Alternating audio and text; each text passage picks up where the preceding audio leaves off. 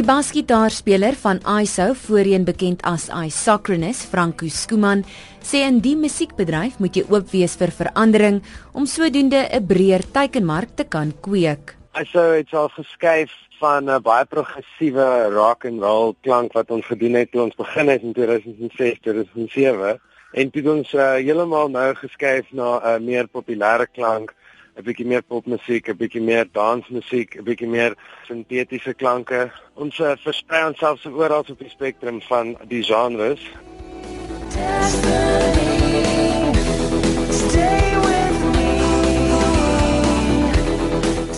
Die gitaarspeler en sanger van nog 'n musiekgroep Beatenburg, Matthew Field, sê om jou musiek aan te pas om meer mense te trek, beteken nie dat jy jou siel aan die musiekbase verkoop nie.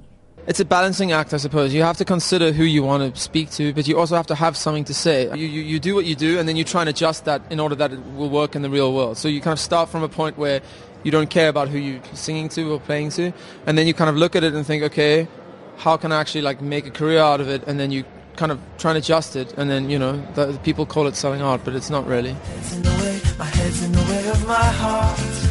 the way, my head's in the way, my head's in the way of my heart. Chelsea Blakemore. I don't want to play this game. Die tromspeler van Beatenburg, Robin Brink, is geensins skaam om te erken dat hulle op popmusiek fokus nie. Well, we call ourselves a South African pop band, but we're all into jazz and classical music, so it's deep, it's not just superficial, but it's pop and it's for everyone.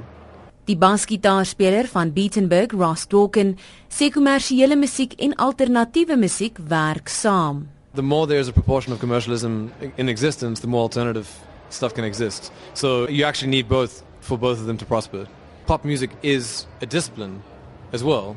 If you understand the discipline, then you can you can create freely within that. If you understand what the restrictions are, and I think what we all really enjoy about pop music, which some people might call commercial music, is that you have a very defined structure, and restrictions can rarely stimulate creativity we are predominantly interested in classical music, jazz, and experimental music. That's our main sort of like body of work that we're interested in. But when you start applying that creativity to like very confined restrictions, it becomes really, really interesting. And that's something that really is stimulating for us creatively.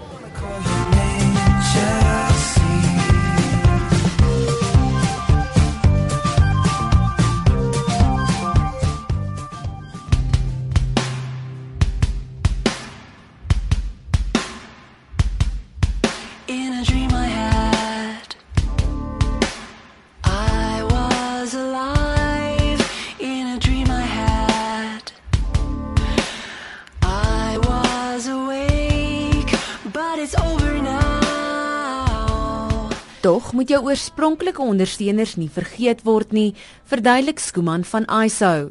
Jy kyk na die verskillende genres en jy kyk na die populariteit van daai musiek om meer mense uit 'n mainstream uit te sif en dan hulle van daai sif af weer te skit en jy weet soos jou loyale kleiner fanbase wat ons nog steeds Isocronus noem. Ons journey het self begin by die progressiewe musiek en dit ons nou meer aangepas en aangepas om juis iewers in daai aar in te kom en sien hoe baie finansiering en goederes daar is om dit wat meer terug te bring na wat ons reg vir lief is in musiek, jy weet, want op 'n einde van die dag gaan dit maar oor wat jou liefde is en wat jy wil speel en hoe musiek jou laat voel.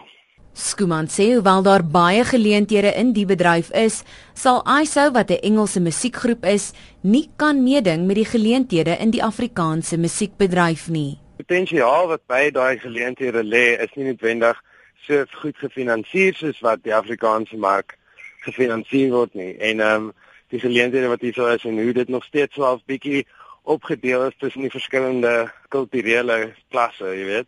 So ons kulturele klasse is bietjie meer jonger mense. Daar is definitief genoeg van 'n platform vir mense om nou in te kom en nog steeds goeie musiek daar te buite te gaan sit, maar terselfdertyd, dis ek vir die potensiaal in die finansiering, die geld wat daar lê, is nie noodwendig altyd wat mense van droom, jy weet, as hulle die eerste keer hulle instrument optel en dink hulle gaan 'n rockstar wees nie. Brink van Beatenburg sê dat die Afrikaanse mark was nog altyd 'n meer loyale mark as die Suid-Afrikaanse mark in geheel. The Afrikaans community is a loyal one and it's been strong for you know, before 1960. It's always been wealthy as well, so it supports its artists, I think. And even still, but now it's more complicated. There are a lot of bands and like people that we're friends with that do something really well, but it's kind of like it's like a South African version of this, that, or the next thing from the US or UK. So that stuff might not do that well because you can just get the real thing. Beide die musiekgroepe ISO en Beatenburg het verlede week die geleentheid gehad om op te tree tydens die voorkonsert van die Britse sanger John Newman toe hy in Johannesburg en Kaapstad opgetree het.